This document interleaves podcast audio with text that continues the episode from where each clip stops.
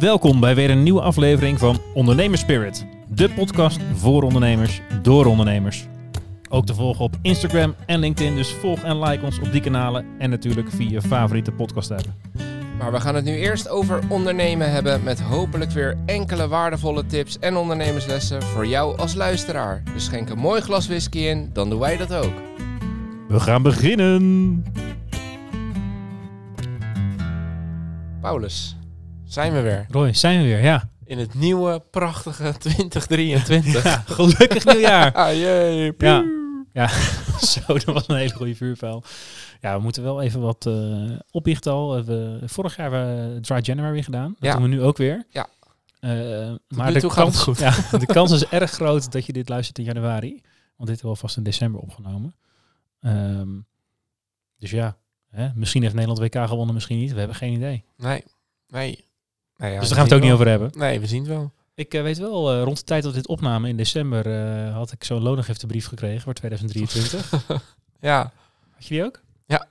ja, ik had er eentje thuis. Ja. Ja, die was van mijn holding. ja. En, Maar die had ik ook, ja. Maar dan voor mijn holding. Ja, we dachten dat we er 78 hadden op de zaak. Maar dag 2 kwamen daar 24 brieven bij.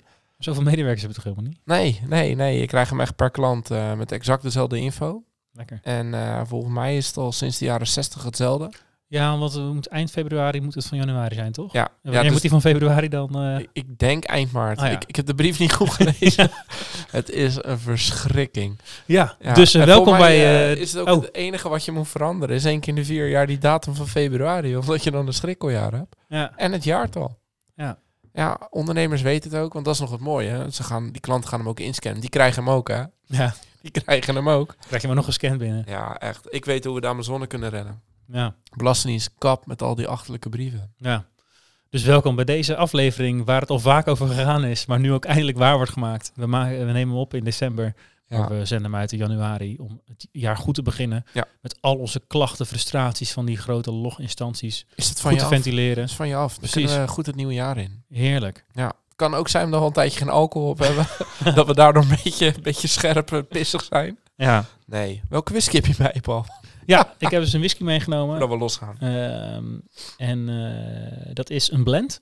Daar hebben we nog niet zo vaak op, volgens mij. De, de Talisman. Een blended Scotch whisky.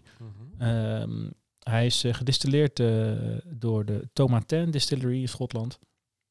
Eh, grote distillerij is dat, als ik dat goed onthouden heb. Ehm, Vrij grote volgens mij. Ja. ja, dit is dus een blend van hun, op 40% gebotteld. Ehm, het is een hele goedkope. Ehm, ik, ik zag net de ding online dat mensen hem voor eh, rond een tientje konden krijgen. Maar ik geloof dat ik hem voor eh 18,95 of zoiets... eh, Rond een tientje. ja, ja, ik heb dat niet gezien hoor. Maar ik zag dat iemand dat zei eh, ehm, bij de eh, wat achtergrond eh, van deze de whisky toen ik dat opzocht. Ehm, wil ik er verder nog wat over zeggen?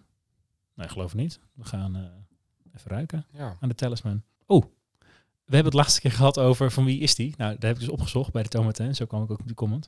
Eh, de Tomaten Distillery is van de Japanse Takura Shuzo en Okura Group. Dus het hoort bij een Japanse groep. Oké. Die zijn ook wel van de talisman, toch? Ja, zeker. een bijgeloof volk. eh. Wat vind je van de geur? Ja. Oh, Bijz- cheers. Bijzonder. Blended, ja. Ja, ik associeer het dus een beetje met granig. Weet je nog dat we Ja. ooit eh, bij ehm, het whiskyfestival in Utrecht mochten bij uh, Kleedistillers volgens mij het eh, pure destillaat ruiken. Pure destillaat ruiken, dat ja. er ook, ook een beetje zo, dat het Dit heeft granen. iets meer... iets meer van die houtwerking. Ja, maar het is niet... eh, Misschien hooguit een beetje citrus of zo. ja, Maar ja. als ik iets fruitigs moet ontdekken, maar ik eh, vooral een beetje dat granige. Ik, Niet, eh, ik kom ook echt niet verder. nee. Nou heb ik stiekem van tevoren al gezegd dat deze niet heel hoog aangeschreven staat. Ja, maar we moeten er blanco in gaan. Ja. Beetje dezelfde kleuren. ik kan net zeggen, de kleur is ook vrij licht. Ja, Deze whisky, ja. doe dat. ik begin alvast met Dry January. nee, nee, nee. Je moet het eerlijk kans geven. Misschien is wel lekker. Die- Okura-gasten die zullen er ook over nagedacht hebben. Ja. Maar 10, 10 euro is wel weinig hoor. Betaal alleen voor het glas. Eh, Krijg je die, die whisky krijg je ja, ik heb hem dus volgens mij voor 18 of 19,95 Ja, dat vind ik eh, wel iets. Ja. Iets logischer. ja, ik heb het ook zelf niet gezien hoor. Iemand zei dat. Mm. Ja, dit is, Mm. dit is niet de lekkerste die we hebben gehad eh, in deze podcast. nee. Hij is, de smaak is ook vrij snel weg, vind ik. Hij is ook een beetje... Hij is niet super scherp, eigenlijk. Maar het blijft een beetje bij dat granige, houtige of zo Ja, in de smaak. Er zit verder niet heel veel spannends aan. Nee. Ik denk dat het beter tot zijn recht komt als je er gewoon cola bij flikkert.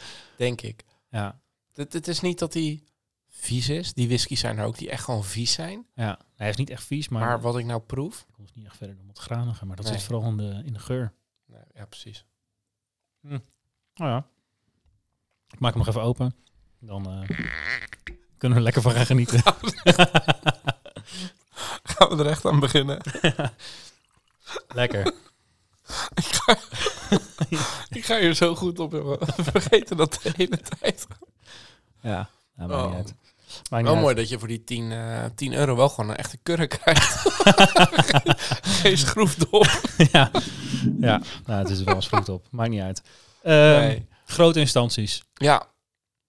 Nou, Ja, ik denk dat jij veel meer verhalen hebt. Eh, We hebben al heel vaak gezegd eh ja, dat jij een beetje frustratie uiten en dan van hier gaan we nog een keer aparte aflevering aan wijden. ja. Ik zeg, eh, we hebben nog een minuut of twintig. Ja, Zullen we gaat- gewoon op de beurt een slecht verhaal vertellen? Dat is eigenlijk wat het gaat worden, deze aflevering, denk ik. Ja, nee, dat is prima. Ik, eh, waar zal ik mee beginnen? Zal, zal ik beginnen? Ja, je hebt er sowieso veel meer dan ik. Ja, maar ik ga ze niet allemaal noemen. Want uh, laat Nee. het wel een beetje kort houden. in luisteraar. februari nog. Ja, ja, nee, ja. En dan wil ik wel een andere whisky erbij hebben. Ja, dat snap ik. prima. Dat snap ik. Nee, ik vind overal dat... ehm, en dan wil ik... Ik ga nu niet nuanceren van tevoren. Hè? Nee, nee, nee, nee, nee, nee, nee, nee. Nee, gestrekt been van achter is prima. Ik ben een soort Afrika Ja. Cup in deze aflevering. Gewoon Ja. wilde tackles, Ja. alles. Maar ik wil wel zeggen, die mensen doen ook hun best.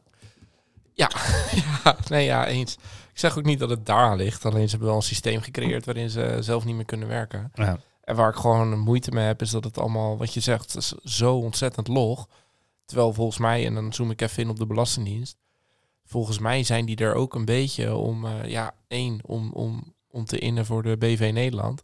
Maar twee, ook een beetje ondersteunend aan de ondernemers, zeg maar. Of, of hè, de particulieren als je die kant op gaat qua belastingen. Maar ze doen er alles aan om, eh, om dat samenwerken in ieder geval eh, de prullenbak in te flikkeren. Nee, het is ook, hè, als zij iets moeten teruggeven, dan hebben ze 1, 2 of 3 jaar de tijd. En als jij iets moet Ja. teruggeven, moet het binnen een week. eh, Zeker. Anders krijg je een boete. Dus hè, dat Zal zijn... ik met een recente beginnen? Ja, We lekker. kregen van de week een brief. Dat, dat was een klant die was twee maanden daarvoor of zo. ehm, was die een dag te laat. Met? Eh, een, een, bedrag betalen. Oh ja, dat iets. was, eh, ja. ja, nou ja, dat, dat kan gebeuren. Mhm. Ja, nou ja, hup, 65 euro aan je broek. En eh, vorige week kwam de brief binnen. Zeiden, joh, je hebt bezwaar gemaakt op iets. Eh, die acht weken die we erover hebben, ja, die hebben we niet gered. Dat was een brief van 4 oktober. Heb ik Ja. 5 oktober hebben ze bezwaar eh, gehad van me. ja. Want die brief is gedateerd op 4 oktober. Dus die krijg je ergens half september of zo. Want ze Ja. flikkeren er altijd al drie weken op. Ja. Antidateren mag niet, daar wel. Maar dat, dat is frustratie 1. Ja. En ehm, vervolgens zegt ze, joh, dat halen we niet. Die brief was dus van begin november of zo. Dus we maken eenzijdig gebruik van weer acht weken. Terwijl ze net die boete hadden gestuurd hè, naar die klant. Dus je krijgt eh, uiterlijk 31 januari reactie. Dus die heb je nog niet. Dat plus eh, half november plus acht weken. Ah. Ik weet niet. Volgens mij zit je dan niet bij januari. Nee. Dus er klopt ook gewoon gereed van. En dat is denk ik wat zoveel ondernemers frustreert. Je, het is echt David tegen Goliath. En je komt er gewoon niet doorheen. Ze smijten met boetes. Want ja, Ja. de corona-regels... Of eh, de, de, de corona-maatregelen en steunpakketten... Nou, die worden ook wel een beetje op deze manier teruggehaald volgens mij. Want het is echt verschrikkelijk. De een na de andere boete vliegt binnen. Maar tenzij ze zelf even iets niet halen... of iets verkeerd Ja, uitleggen... allemaal eenzijdig... eh, Dan wordt er geen rente berekend. Dan wordt het eh, achteraf ergens mee verrekend. Of je krijgt binnen acht weken een keer je poen. En ja, het is echt... eh, ik vind het echt schandalig. Terwijl je heel vaak te maken hebt met ondernemers die niet voor niets dat soort regelingen hebben lopen. Nee, precies. Ja, je zou ook zeggen dat het eh, Dat je daar wat in de long zijn. run voor de BV Nederland, hè, als ze daarvoor moeten innen, misschien eh, nuttig is om eh, Ja, ja, wat meer... eh, ga een keer bij Apple 3% halen in plaats van 1%. nou, Volgens mij heb je dan alle DGA's keer 3 te pakken. Maar waarschijnlijk. ja, Waarschijnlijk. nou. Dat is, dus dat is frustratie eh, nummer 1. boetes uitdelen en eenzijdige reactietermijnen vertellen, Ja. eh, verlengen. Verschrikkelijk. Ja. Niet oké. Hoppa, gebruiken we die ook weer eens. Ja, nou, die uh, zet die maar onder de loep. ja. Ehm, mooi. Volgende frustratie. Ja. Jij weet het, want uh, jij hebt hier eigenlijk meer werk aan gehad dan ik. Maar uh, ja, het, had, het ging over ons, dus ja. ik ga het gewoon vertellen. namelijk, toen wij een medewerker aannamen, dan ga je alles regelen bij de Belastingdienst, dat er ook een loonbriefje komt en dat daar belasting over wordt betaald en werkgeverslasten en bla bla bla. En ik wist dat niet, maar er wordt blijkbaar een sectorcode bij. En ik weet niet meer helemaal zeker wat het was, maar laten we zeggen 44. Sectorcode 44. En dat betekent dat je volgens mij een paar euro per loonstrookje. Uh, ja, je, je werkgeverslasten wordt daarop gebaseerd, zeg maar. Ja, sociale premies en zo. Ja, maar dat gaat uiteindelijk echt om een paar euro per maand verschil tussen de meeste sectoren. Volgens mij is die ja. hele range. ja, tenzij je echt een hele andere branche hebt. Maar als ja. je ja, zakelijke dienstverlening 1, 2 of 3 hebt. Maakt allemaal niet heel nee, veel Nee, dat is peanuts. Ja. Nou, daar zaten wij dus in. Ik weet nog, uh, laten we hem even 44 noemen. Dat uh, eenmaal bij het eerste loonstrookje kregen we gelijk daar een, uh, een brief bij dat de sectorcode niet klopte. Ja. Dus die hebben wij netjes naar jou gestuurd. En toen heb jij volgens mij met de Belastingdienst gebeld. Of, ja, dan moet je wel ook eerlijk erbij zetten wat er in je mail stond. Hé, hey, paardenlul doet nou goed en daarom zitten we bij jullie. En moet wel eerlijk zijn, nee, nee. Ja, dan moet ik zo meteen weer dat vakje explicit content aanvinken bij oh, Spotify. Ja, dat moeten we niet hebben. nee, het was een hele sympathieke mail. Ja, ja, ja. ja. Dat je je zaken niet goed op orde had. ja. Nee, maar oké, okay, dit is een beetje is niet goed. Uh, maar goed, dat dat dus niet goed was, die code, ga je er achteraan. En uh, dat duurt zo lang. Dat is ook weer dat. Uh, dat duurt is blijkbaar heel erg ingewikkeld om dat, om ja. dat uit te zoeken. Zes weken minimaal. Dus we waren geloof ik weer twee loonstrookjes verder. En dus twee brieven dat die sectorcode niet klopte. Um, en aan de telefoon wordt gewoon gezegd van nee, dat klopt, was de goede code. 44, heel goed. Goed gedaan. Ik weet ook niet waar het misgaat. Ergens in ons systeem, maar ik ga er achteraan voor je. Ja. Nou, weer een paar brieven verder dat het toch echt niet goed was. Had het 45 moeten zijn. Dus nou ja, dan heb jij volgens mij al die oude loonstrookjes weer teruggezet naar 45. En nou ja, die 3,50 euro verschil die het heeft, die verreken je dan weer met de volgende ronde. Ja. Krijgen we weer een brief, 45. Ja, dat klopt niet. Maar ja, dat was dus een code die we van de Belastingdienst kregen van ja, dit moet het zijn. weer erachteraan. Uh, het moest het toch 44 zijn.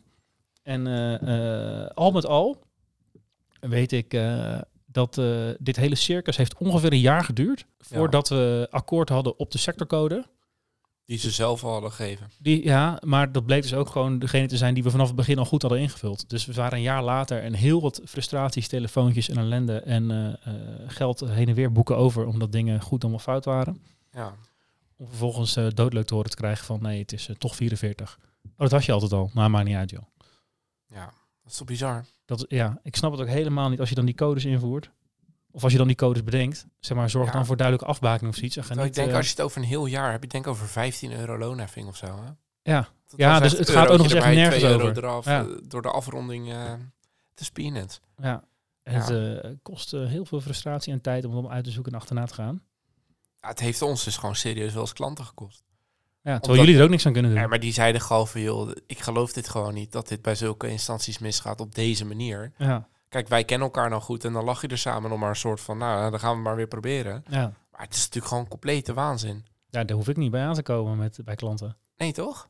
Nee. Dan krijg je toch nooit uh, op een gegeven moment dan... dan ja, ik ga nu een factuur sturen van uh, ja. 1000 euro hoger, want uh, je had toch dit pakket? Ja. Oh, niet? Nou, volgens ons systeem wel. Ja. En dan een maand daarna van, oh nee, we verrekenen het wel weer, want die had toch gelijk. Ja. Dan, oh nee, toch weer niet. Ja, dat, dat kan toch niet? Nee. Ja, ze komen overal maar weg. Wat een ellende. Ja. Verhaal nummer drie. ik heb er uh, twee in de sfeer loonheffing. Oh, lekker. Eén uh, bij een klant, één bij mezelf. Uh, want, zal ik bij mezelf beginnen? Ja, houd persoonlijk. nou, dat had ik moeten lezen in een van die 4 miljoen brieven. Dat je natuurlijk je loonheffing uiteindelijk de laatste van de volgende maand moet betalen. Ja. Nou, rondom die periode, ik had zeg maar de 30ste moeten betalen en ik kwam de 28ste of zo terug van vakantie. Dus wat dacht ik voor de vakantie? Weet je wat ik doe? Ik betaal mijn loonheffing vast vooruit, want dan ga ik natuurlijk vergeten. Ja. Drie weken vakantie is niet het eerste waar ik aan denk. Dus ik betaal dat. Lekker op vakantie. Was een goede vakantie, want mijn kop was leeg. Dus ik kom thuis en het eerste wat ik denk is, niet mijn loonheffing vergeten te betalen. Toen was ik nog niet dat ik zelf ook volledig uit pakket betaal, dus dat heb ik toen gelijk aangepast.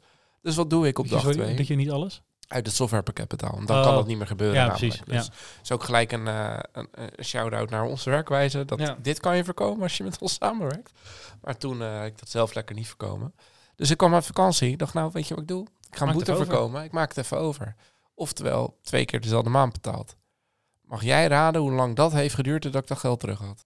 Acht maanden. Nou, het viel mee.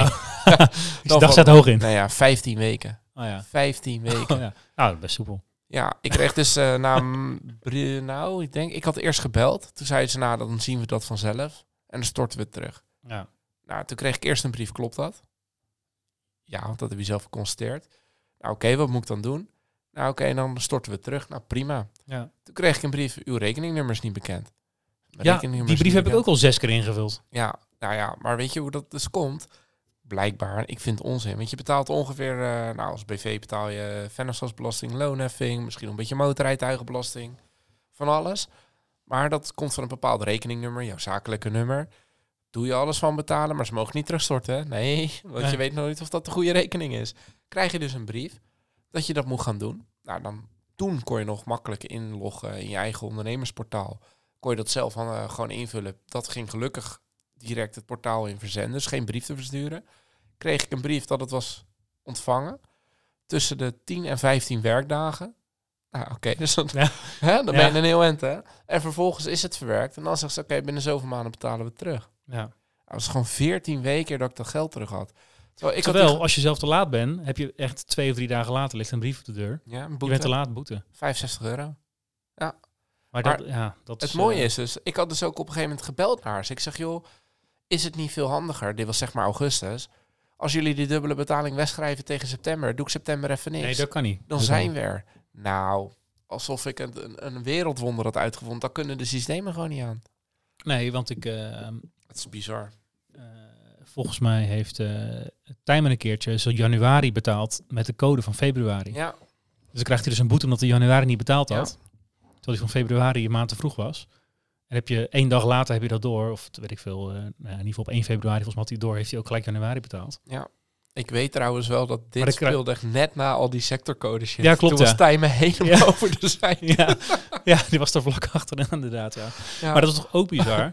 Want dan is de, de ene is 31 dagen te vroeg, de andere is één dag te laat. Mhm. En dan moet je dus eh 15 dagen, want die boete is uiteindelijk wel kwijtgescholden. Maar ja, dan ben je ook wel weer eh ja. orde grote 15 weken verder. Ja, nee, ik, heb dat was dus mijn tweede loonheffingsvoorbeeld inderdaad. We hebben een klant die betaalt dus gewoon iedere maand die gewoon een DGA, dus een vast loon. Kijk, heb je nou nog verschillende mensen, dan kan het nog fluctueren met eh, weet ik veel vergoedingen, maar vaak is een directeur die zegt, joh, weet ik veel, 4000 bruto, dus iedere maand is hetzelfde. Ja. Was elke maand 1700 zoveel euro. 12 keer betaald in het systeem. En op een gegeven moment stuurt hij mij, hij zegt, joh, ik heb een boete, hoe kan dat? Dus ik kijk, ik kijk, het was begin januari inderdaad. Ik zeg, joh, je hebt geld terug gehad in december. Dat had hij dus inderdaad gedaan. Hij had november betaald met kenmerk van oktober. Ah ja. En wat zeggen ze? Ze zeggen dus gewoon, ja, die, deze snappen we niet. Dus je hebt netjes twaalf keer betaald, maar die klopt niet, die sturen we terug. En vervolgens, joh, je hebt er één niet betaald. Ja, Ja, dat echt, maar die boete, die, we hebben bezwaar ingediend. Ja, dat is niet ons probleem, je bent zelf verantwoordelijk. Die boetes blijven staan. Ja, dat vind ik echt dat vind ik raar. dan word je toch kwaad? Want ik snap dat die code verkeerd is, dat het niet fijn is. Maar dan kan je toch even Ja. het gesprek aangaan. En dat, eh, want het toch geld heb je. Ja, maar het is toch ook ergens in een systeempje waar gewoon in staat... Goh, 12 keer 1700 Ja. ingediend, 12 keer 1700 betaald. Ja, dat het dan een keer een verkeerd codetje is. Ik bedoel, als we alle fouten van de Belastingdienst eh, moeten omrekenen tot boete... is toch niemand meer te werken. Dan word je zo rijk. En dat is Nederland failliet. Ja, Nederland is wel fiets. Ja. Je moet wel zorgen dat je verdwijnt hier. Ja. Ja. Nee, maar dit, dat is toch bizar? Ja, klopt. Ja, ik zie ook niet zo... Ja, ik zie wel een paar oplossingen, maar niet met eh, dat dino-tijdperk waarin ze leven. Want het zijn allemaal systemen die... Nou, wij kennen is ook wel mensen die daar gedetacheerd hebben gezeten. Die eh, daar dan al, eh, ik weet niet, twee, drie, vier jaar weg zijn. En dan nog van oud-collega's daar horen dat ze dan nu iets gaan implementeren... wat eigenlijk al de deadline was van de tijd dat hij er nog zat van vier, vijf jaar daarvoor. Ja, als je zoveel jaar achterloopt Ja, met Ja, je eigen dat, interne projecten implementeren... dan gaat er wel echt iets heel erg mis. dat, hoe heette dat? Windows Vista was dat geloof ik. Dat heeft maar heel kort gedraaid, toch? Ja, dat hebben ze nog. Nee, ik zweer het. Die, ja, die hebben alleen Microsoft eh, Nederland ondersteunde dat pakket nog specifiek voor Belastingdienst Nederland, omdat anders de hele zooi in elkaar zou storten. Ik dat- ben even stil van. Ja, maar dat, dat, die moet de schatkist van Nederland vullen, hè, die hut. Maar ja, Dan heb je dus gewoon, dat heeft gewoon een paar jaar langer geduurd. Omdat het allerlei add-ons zijn op een bepaald systeem. ja. Ja, dat draaide op. En ze waren gewoon als de dood als we het nu gaan overzetten, dat het in de soep zou lopen. maar hoe... hoe eh, de- Het- het- ik snap... Ik, eh. Ja, ik snap het gewoon. Zeg maar ook... eh, ik heb dus begrepen van mensen die er werken... eh, dat het best wel een leuke organisatie kan zijn. Ik heb ook wel eens gehoord dat het een hele verrotte organisatie is. Maar dat hangt dan misschien een beetje van het departement af. ja waar je dan zit. Zoals ja. bij elke grote organisatie. Is ook, fair tuurlijk. enough. Tuurlijk. Maar ja, dit, dit is toch niet... eh, dit is toch ook niet leuk om op verjaardagen te vertellen? Ik zou me kapot schamen. Ik denk ook oprecht dat heel veel mensen die bij de Belastingdienst werken niet eens vertellen dat ze er werken. Die zeggen dan, ik werk bij SME als escort. heb nog een leuk gesprek? Ja, maar dit kan toch niet? Nee, dat kan niet. Het loopt allemaal achter. Het is allemaal, en vooral dat, dat, en dat is een grote frustratie van een hoop ondernemers, het eenzijdige redeneren. Ja. En ik moet wel zeggen dat de loonheffing dan over het algemeen nog een stuk soepeler is dan de BTW. We hebben ook wel eens een, eh, een belletje gehad. Er is een of andere storing geweest of zo. Zeggen ze, joh, je hebt die aangifte loonheffingen niet gedaan. Klopt dat? En dan gaan we kijken, oh ja, hij is inderdaad niet doorgezet. Nou, doe dat nou even, want je hebt nog een week, anders krijg je een boete. Ja. Dat vind ik heel schappelijk. ja. Ja. BTW? Heb ik Ja, ook laten we even dat positieve dingetje vasthouden. Oh. Of niet? Ja, oké. Want dan heb ik ook nog een semi-positief dingetje. Ja? Ja. Oké, nou, Mag je zo meteen weer door. gooi maar op. UWV. Oh, ja. Ja. Ja. Kijk, de, eh, er is in 2 augustus 2022 is er een eh, regeling ingegaan voor eh, betaald ouderschapsverlof voor DGA's. En ook voor heel werkend Nederland eigenlijk. Maar een subonderdeel was dat, ook DGA's het mochten aanvragen. En dat moet dan in het eerste jaar van het bestaan van het kind. Nou, die van mij was eind januari geboren dat jaar. Dus ik kon er nog een half jaar gebruik van maken. Ja. Ehm, ik, jij hebt volgens mij die brief gedownload van hun website, toch? Ja. Want je had hem eerder aangevraagd dan ik. Ik kon dat niet meer. Ik heb hem gelijk 2 augustus aanvragen, omdat Colin is van 16 augustus. Ik kon voor twee weken Oh ja. aanvragen. ja. En ik heb hem eigenlijk puur aangevraagd om te kijken hoe het proces zou gaan Ja. voor onze klant. ja, dus ik heb dat ook even afgewacht. Ja, Eh, ja, dat heeft niet per se geholpen, denk ik, in hoe soepel het er nou voor mij ging.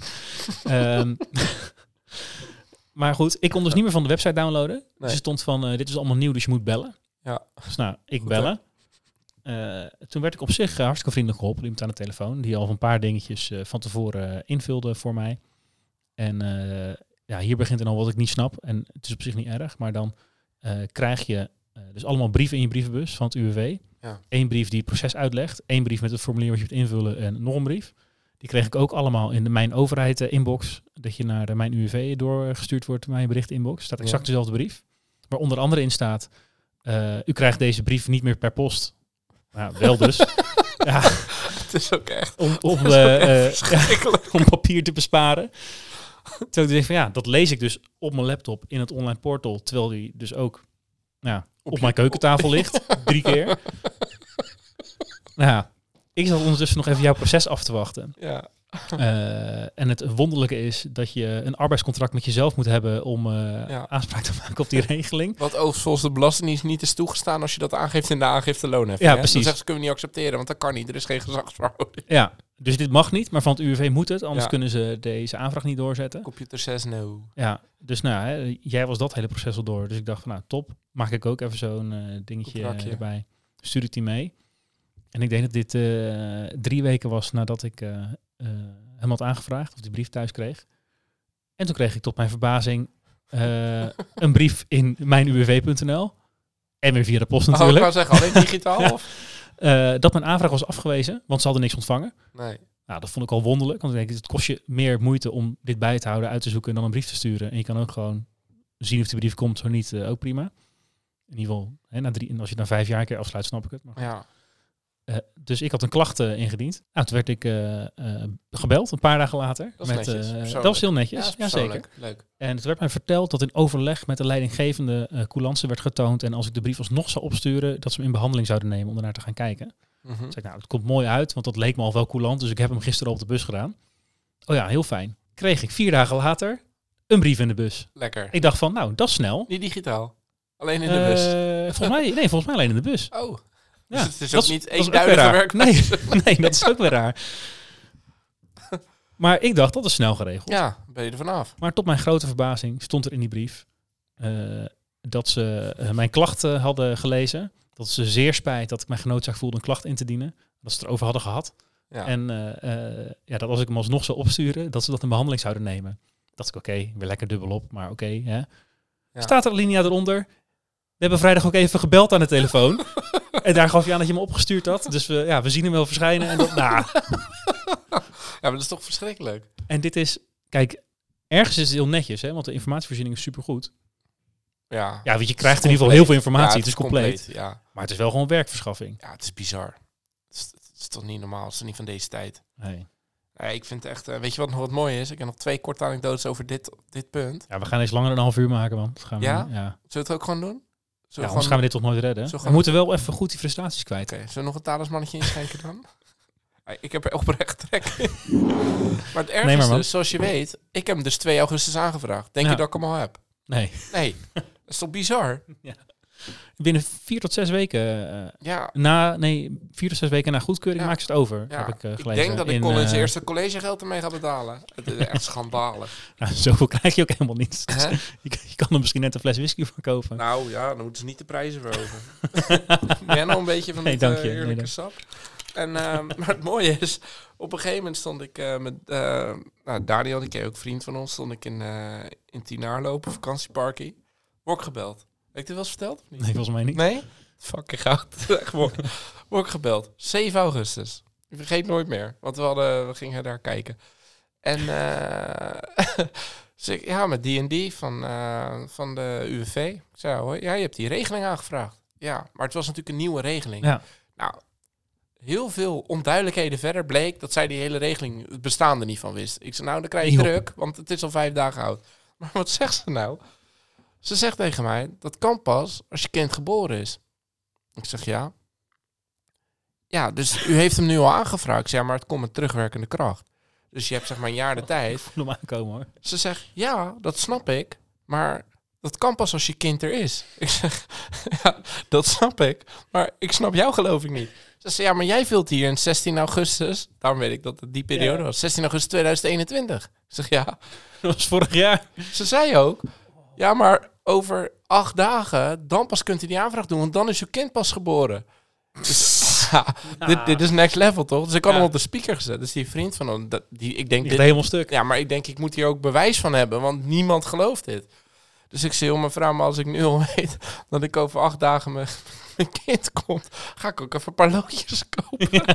En je hoorde gewoon een soort, soort kraken en rook bij de, aan de andere kant van de lijn. En toen zei ze, oh, 21, ja. En toen kwam het magische antwoord, wat volgens mij het probleem is van al dit gezeik. Ja, in de computer stond het zo. Ja. En to- Maar dat, is ook met dat vinkje van het arbeidscontract, toch? Wat helemaal niet mag, maar dan Nee. staat er een vinkje dat het moet. Want bij alle andere regelingen, want UWV moet er een arbeidscontract zijn. Precies. Ja. Precies. En het is gewoon, het is waanzin. Maar echt, dan, dan hoor je pas ineens, oh ja, wacht even. Ik moet gaan nadenken, want de computer is misschien niet leidend. Ja, daar hebben ze heel veel Dat is wel mee. Ja, dat hebben ze echt, maar dat, dat is toch bizar. Ja. Maar Belastingdienst is niet de enige, de UWV. Wel meer regelen. Alles eigenlijk wat groot en log is. Ja, noem er nog eens Oh. eentje. Hè? Noem er nog eens eentje. Ja? We zijn er nu toch. De SPAWW. Die kent iedereen, denk ik. Nee, dat Nee, is de Stichting Pensioenfonds Pensioenaanvulling WW. Het is eigenlijk een stukje achterstallige eh, eh, premie in te halen voor bepaalde sectoren. Mhm. Met name sociale fondsen, logisch, want die krijgen alles voor elkaar. De bouw, dat, soort, dat soort fondsen. En ehm, nou, dat gaat echt over tussen de 10 en de 50 euro gemiddeld als je een paar werknemers hebt per maand. Ja. Nou, dan kan je aanvinken dat je hem per kwartaal wil indienen. Nou, dat is heel blij, prima. Minder vaker die handeling te doen voor geld overmaken. Precies. Ja. Hadden we dus een klant die bestond sinds april 2018. Nou, die heeft in één keer in april 2021 personeel. Vul je netjes in, per die datum wil ik het hebben. Was er blijkbaar een of andere brief gestuurd met een inlogcode. Nou, niet naar mij als, als administrateur, niet naar hem als klant. Of hij heeft het niet doorgegeven, dat kan, maar goed. Mhm. hè? Die brief was er niet. Krijgt hij op een gegeven moment van april 18 tot april 21, denk ik. Ja, dus hij krijgt 36 losse enveloppen. met, Voor 36, elke maand. met 36 facturen, ambtshalve 450 euro stuk. Nou, die stond binnen vijf minuten bij mij op kantoor met twee... 36 brieven van 450 euro? Ja, stuk. Amshalve aanslag. We gaan uit 450 euro. Oké, Dus die moest even 13, 14.000 euro aftikken. Heel goed. Ja, nou ja, als je het snel kan oplossen, dan kan je... Hè, want wij hebben samen gebeld. Hebben we gewoon aangegeven, joh, dit, dit is verhaal. Toen begonnen ze over brieven die wij allebei niet hadden. Ik zei, joh, stuur die brief dan even opnieuw. Nou, dat was een proces. Dat heeft anderhalf jaar geduurd. Tot aan deurwaarders aan bij hem aan de deur, hè, om het op te lossen. Die 13.000 euro was 16.000 euro geworden met allemaal rentes, kosten, deurwaardeskosten, weet ik het wat allemaal. Dat valt dan ergens nog mee, toch? De deurwaarde gaat meestal nog een keer over de kop. Ja, nou ja, dus ja, dat was eigenlijk een kopie. Dus ik Ja. heel pinnen gewoon. Ja. eh, Ja. Moet je cash hebben? Wat wil je? nee, maar die, die, die, Nee, bizar. die, die man, dit is gewoon een derde van zijn inkomen hè, per jaar. Wat hij gewoon even door foutieve troep. Dus op een gegeven moment hebben we het uiteindelijk opgelost. Maar wat denk je dat nou de bottleneck was? Zeg ze, ja, sindsdien eh, bestaat die CAO. Ja, jullie reageren niet. Dus dan gaan we maar terug naar het begin van de CAO. Ik zeg maar, ik heb toch in de brief gestuurd dat het per die datum personeel aanwezig is. Dat zien jullie ook in de aangiftes. Ja, daar kijken we niet naar. Zo. Maar dit, dat, dat kan toch niet? Want het gebeurt vaak bij kleine ondernemers, hè, dit soort Ja. dingen. Ja, Maar precies. Ja, altijd bij kleine ondernemers. is dus alles gelukt, teruggedraaid, gefixt. Wat denk je? Eh, de deurwaarde moest hij zelf nog betalen. Nee, Oh. nee, nee, nee. Alles, alles is gered. Maar hoeveel was de totale pot van over al die maanden? Hoe lang heeft dat geduurd? Nee, hoe- eh, hoeveel die in totaal moest betalen over die 36 maanden? Oh, wat hij eigenlijk had moeten betalen. Nadat wij alle Ja, correcties hadden ingediend. Ja, eh, een paar honderd euro. 600. 148 euro. kan niet? Nee. Nee, het is echt het is om te janken. Zo Ja. slecht. Ja. En dan krijg je, als je dan zo'n... Dat vind ik dan ook weer. Hè. We hebben het eh, eerder ook al met, eh met, eh met Katinka gehad over ehm, communicatie en dat soort dingen. Ja, daar zijn ze zo slecht in, dat soort instanties. Als je de Belastingdienst belt, Ja. Ja, als jij Ah, je krijgt aan de telefoon gewoon een ander, eh, Ja. ander advies. Als wij allebei nu met dezelfde vraag bellen, krijgen we ander advies. Ja. Ja, dat, dat is kansloos. Waarom heb je niet gewoon één contactpersoon? Mailen Ja. doen ze niet aan. Ik vond wat dat betreft corona, eh, de, de werkwijze van de Belastingdienst, dat was een godsgeschenk. Want nou weet ik hoe de e-mailadressen zijn opgebouwd. Ah, ja. Dus ik heb al een paar keer naar mensen gemaild. Dus hoe kom je aan mijn mailadres? Dus ja, dat is bij jullie allemaal hetzelfde. En nu heb ik in ieder geval zwart op wit dat het bij jullie ligt. Kijk maar hoe je het oplost. ja. Ja, dat is misschien helemaal netjes, maar ik, ik wil dit soort trajecten gewoon niet meer, joh. Nee. Ja, want ik, dit komt dus in me op. Hè. We hebben nu lekker, zitten we een half uur te klagen. Ja, Eh, niet meer dan terecht zou ik zeggen. Maar ja, dit hoort wel gewoon bij jouw werk. Toch om Mhm. deze dingen op te lossen voor jouw klanten. ja. Ja, ik zou er helemaal knettergek van worden. ja, ik ben ook heel blij dat ik personeel heb die een deeltje van me overneemt. Ja. Ja, ik word hier ook niet vrolijk van. Maar dat zal toch... eh, ja, ik wil niet heel pessimistisch zijn, maar dit gaat waarschijnlijk altijd blijven. Dat denk ik ook. Dus ik zal moeten, eh, een plekje moeten geven. nee, maar kom op. We gaan deze zomer op meditatie retrettenkamp om even alle frustraties... Stilte eh, retretten. ja, dat doen ze daar ook. Per zes weken doen ze dat. Ja. Voordat je weer Dan doen ze een half jaar, dan krijg je, Ja, dan maar krijg je ik- antwoord. ik- ik- hè, laten we ook vooral aan oplossingen denken. Ieder bedrijf heeft een RSIN. Dat is een soort BSN-nummer voor je, voor je bedrijf. Dat Ja. staat vaak in je B2-nummer tussen de NL en dan de B01. Of B02 of whatever eh, voor nummer je hebt. Dat is je RSIN. Waarom doe je niet RSIN at Belastingdienst? Dus dat nummer en dan at belastingdienst.nl. Alles wat je daarheen stuurt, dat is voor jouw bedrijf. En dan doe je net, hè, bepaalde softwarepakketten doen dat ook. Dat je zegt, joh, deze vijf mailadressen, die mogen daar naartoe zenden. De rest is spam. Ja. Kan je allemaal prima inregelen. Dan ben je er toch? Ja, maar dan moeten zij dat gaan verwerken. En daar ligt natuurlijk het probleem. Nou, ik denk dat het dan heel pijnlijk wordt. Dat heel duidelijk naar voren komt dat zij elke keer de bottleneck zijn. Ja. Nu kunnen ze gewoon zeggen, ik heb wel eens gewoon gehad, ja, brief niet ontvangen. Ik zei, ja, maar ik heb hem toch echt verstuurd. Ja, dan moet je bij de post zijn. Is niet aan ons om het aan te tonen. Ja, Andersom, sturen ze een boete. Ik zei, ja, die heb ik niet ontvangen. Ja, wij eh, gaan probleem. ervan uit dat eh, de post zijn werk doet. Dus Ja. eh, betaal heb ik. Je hebt hem gewoon gehad. Ja, dat soort, dat soort onrecht, ja, het voelt gewoon onrechtvaardig. ja. Maar is het ook toch? Echt gewoon met twee maten. Ja, ja dat, het komt altijd in hun straatje uit. Ja. Ik gewoon letterlijk een keer gehad dat mijn B2-aangifte niet was. Dat was een storing tussen ons pakket en de Belastingdienst. Dus ik had hem ingediend. was, eh, weet ik veel, 5000 euro of zo. Had ik ook betaald. 11 januari, ik weet nog goed. Dus eh, ik was echt Jij 20, hebt veel data onthouden. 20 dagen van tevoren. En ik heb dit niet opgeschreven of voorbereid. Dit is gewoon frustratie in mijn hoofd. Dus ik was 20 dagen voor de deadline. Op een gegeven moment komt er een brief met eh 9.500 euro te betalen. Dus ik denk, hoe kan dat dan? Dat sluit ook nergens op aan. Dus ik kijk, eh, ja, anderhalve aanslag. Dus ik bel, ik zeg, eh, hoezo? Ja, we hebben geen aangifte gehad. Ze hebben geen aangifte gehad. Ja, toen bleek dus inderdaad, wij sturen hem dan uit ons pakket. Krijg je een bevestiging of, eh, nou in dit geval dus, validatie mislukt wegens storing belastingdienst. Dus ik zeg dat, zeg ze, ja, moet je even bezwaar indienen en dan komt het wel goed. Maar dan krijg je dus uh, ambtshalve aanslag, boete wegens niet op tijd betalen en boete wegens te laten indienen.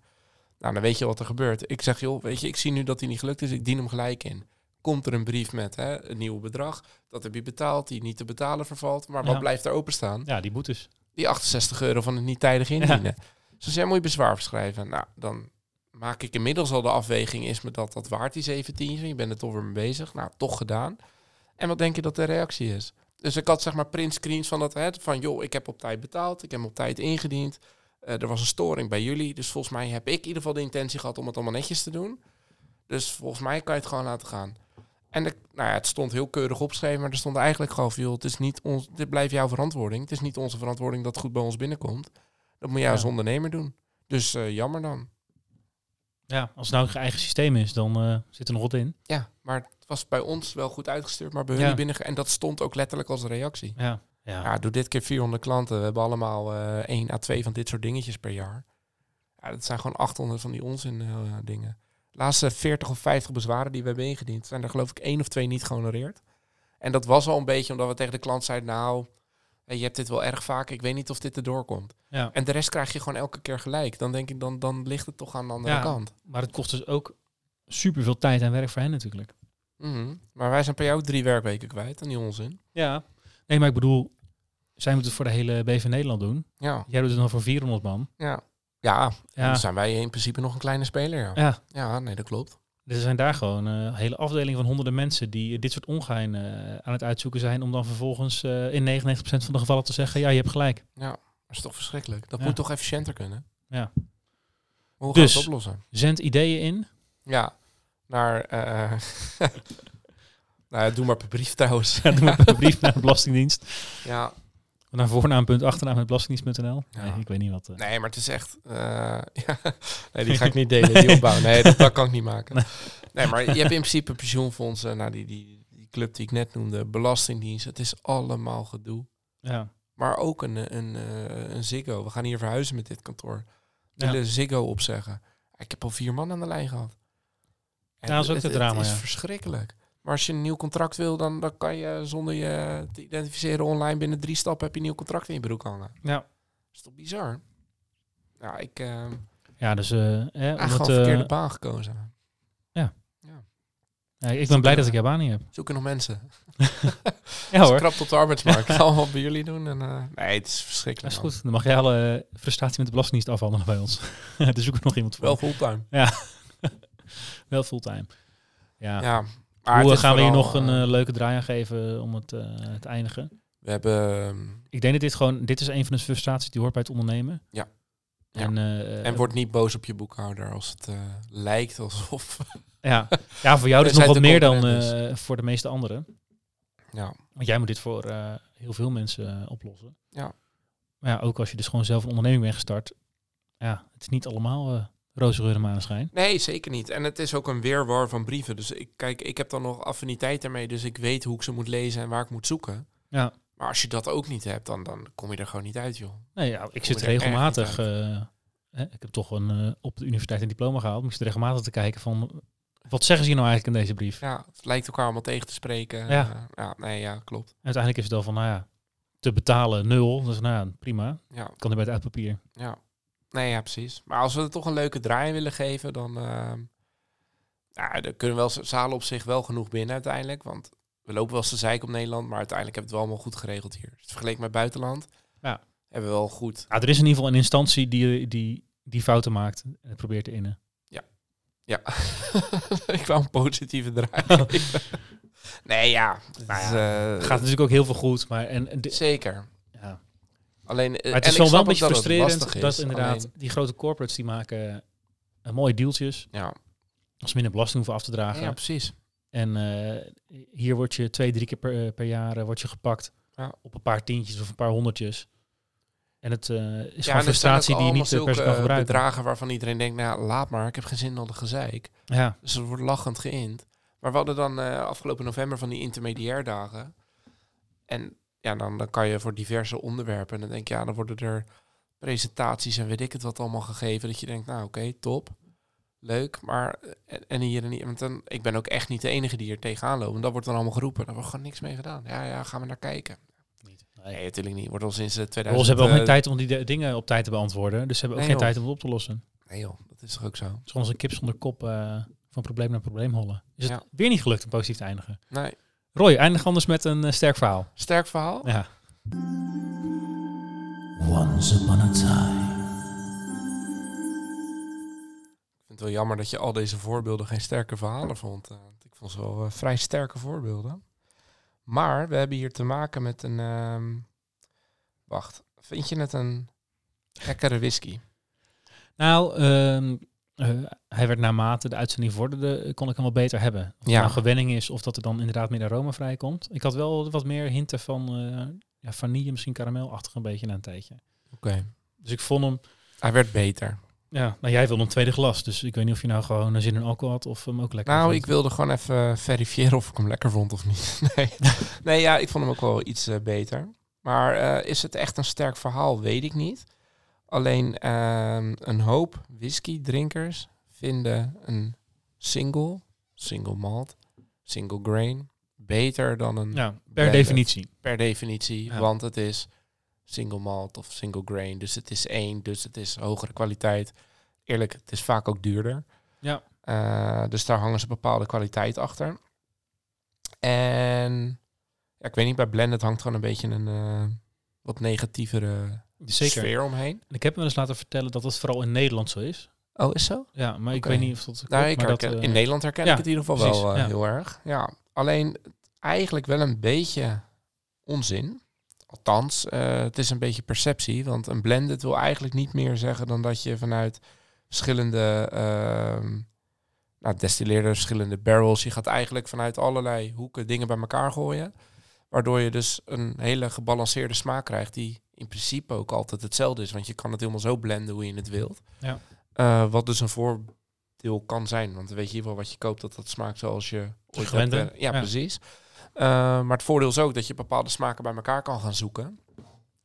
Waardoor je dus eigenlijk een heel rijk palet aan smaken kan krijgen. Ja, en bij een single is dat eigenlijk nou, niet zo. Want dan heb je... ehm, nou, als je bijvoorbeeld een, een, een single malt hebt, dan heb je één type... Van één distillerij. eh, één distillerij. Eh, je kan ook nog een single cask hebben, dan is het echt één vat. Ja. En daar zit ook gelijk een, een, een mooi verschil in. Want een, een single malt hoeft dus ook helemaal niet uit één vat te komen. En dat is volgens mij wel de denkwijze van heel veel mensen. Ja. Maar eigenlijk ga je dan ook uit verschillende kas ga je dat ook blenden om dan zelf die single malt op eenzelfde smaak te krijgen. Dus ja, eigenlijk uh, het is niet zozeer een sterk verhaal, maar meer een ontkrachting van een, uh, van een sterk verhaal. Van, nee, ja, van een bepaalde voorkeur van Ja. whisky-liefhebbers. Dat het, een single malt hoeft echt niet per se beter te zijn. Nou, misschien is de, is echt eh, de, pure voorkeur. de, de tip daarbij is misschien nog... eh eh, koop eens een keer een blend in je slijter. Ja. Je kan een keer zeggen van, joh, dit is een single malt die ik lekker vind. Maar is er nou een blend die een beetje daar in die buurt komt? Een goede slijter, die kan er best wel mee uit de voeten. Dan kan je zomaar een paar tientjes per fles schelen. Ja. En dan kan je wel een heerlijke whisky hebben. En ik moet even terugdenken aan een proeverij ooit in Utrecht. Eh, daar viel voor mij voor het eerst het eh, kwartje. Want ik dacht ook, eh, net begonnen, single malt was helemaal de bom. Maar daar kregen we toen de Monkey Shoulder te Ja, proeven. ja. En die had hij erin gezet om te laten zien aan Nederlanders van joh, een blend kan ook lekker zijn. Klopt, ja. En dat is echt niet een hele dure fles. Nee, en, en, en eh, onderzoek het ook eens. Hè. Ik heb dat ook gedaan eh, in het begin. En dat heeft me aardig wat, eh, wat schermtijd voor mijn ogen gekost. Maar dat je je, je blended en of je, je blends en je single malt, dat je gewoon eens een keer kijkt naar dat proces. En dan, ja, het hoeft helemaal niet. Er is geen, geen gouden boekje waarin staat, joh, links is blended, dat is allemaal kut. En, en single malt is allemaal goed. Nee. Dat is echt puur, eh, ja, gewoon persoonlijke voorkeur. Ja. Ja. Nou, dat. En dan zou mijn tip niet zijn om die talisman te nemen. Nee, die Maar- Monkey Shoulder was goed. Die Monkey Shoulder was wel lekker. Die was lekker. En zelf vind ik ook de, de Chivas Regal vind ik ook wel een hele goede whisky. En die is ook helemaal niet zo duur. Die heb ik dus nog nooit op. Nee? Doen we een keer een podcast. Nou, dat kan, want die hebben we van onze vriendin Tamara toen eh, gekregen. Dat is waar ook. Dat Die is al lang geleden. Ja, die hebben we nog steeds staan. Gaan we die eh, binnenkort een keertje doen. Ja, toch? Top. Tot de Nemen wij de laatste slok eh, van de talisman? Ja, heerlijk. We gaan daarna eh, anders doen. En ik hoop dat de frustraties eh, weg zijn. Dat we een jaar... het, voelt, het eh, voelt wel goed. Ja, dat we een jaar tegemoet kunnen waarin we goed met tegenslagen om kunnen gaan van Ja. al die loginstanties. Precies. En dat we zelf onze klanten maar wel goed mogen behandelen. Zullen we dat maar doen? Je leert er ook een hoop van, hoe, hoe het niet moet. Precies. Dus laten we een positieve twist. We leren van de Belastingdienst. Dank jullie wel, mannen en dames. Leuker kunnen we niet maken. En inhuur. Leuker kunnen we niet maken. Makkelijker lukt het ook nog steeds niet. Sleentje. Slentje. Dankjewel voor het luisteren naar weer een aflevering van Ondernemerspirit, de podcast. Hopelijk vol met wijze ondernemerslessen en natuurlijk inspiratie voor schitterende whiskies. Volg ons op Insta als je dit vaker wil en subscribe natuurlijk eh, op Spotify. En help ons eh, zo aan een grotere fanbase en eh, ja, dat wij meer ondernemers en whiskyliefhebbers kunnen inspireren met onze mooie verhalen samen met een gast. Tot de volgende keer. De volgende keer.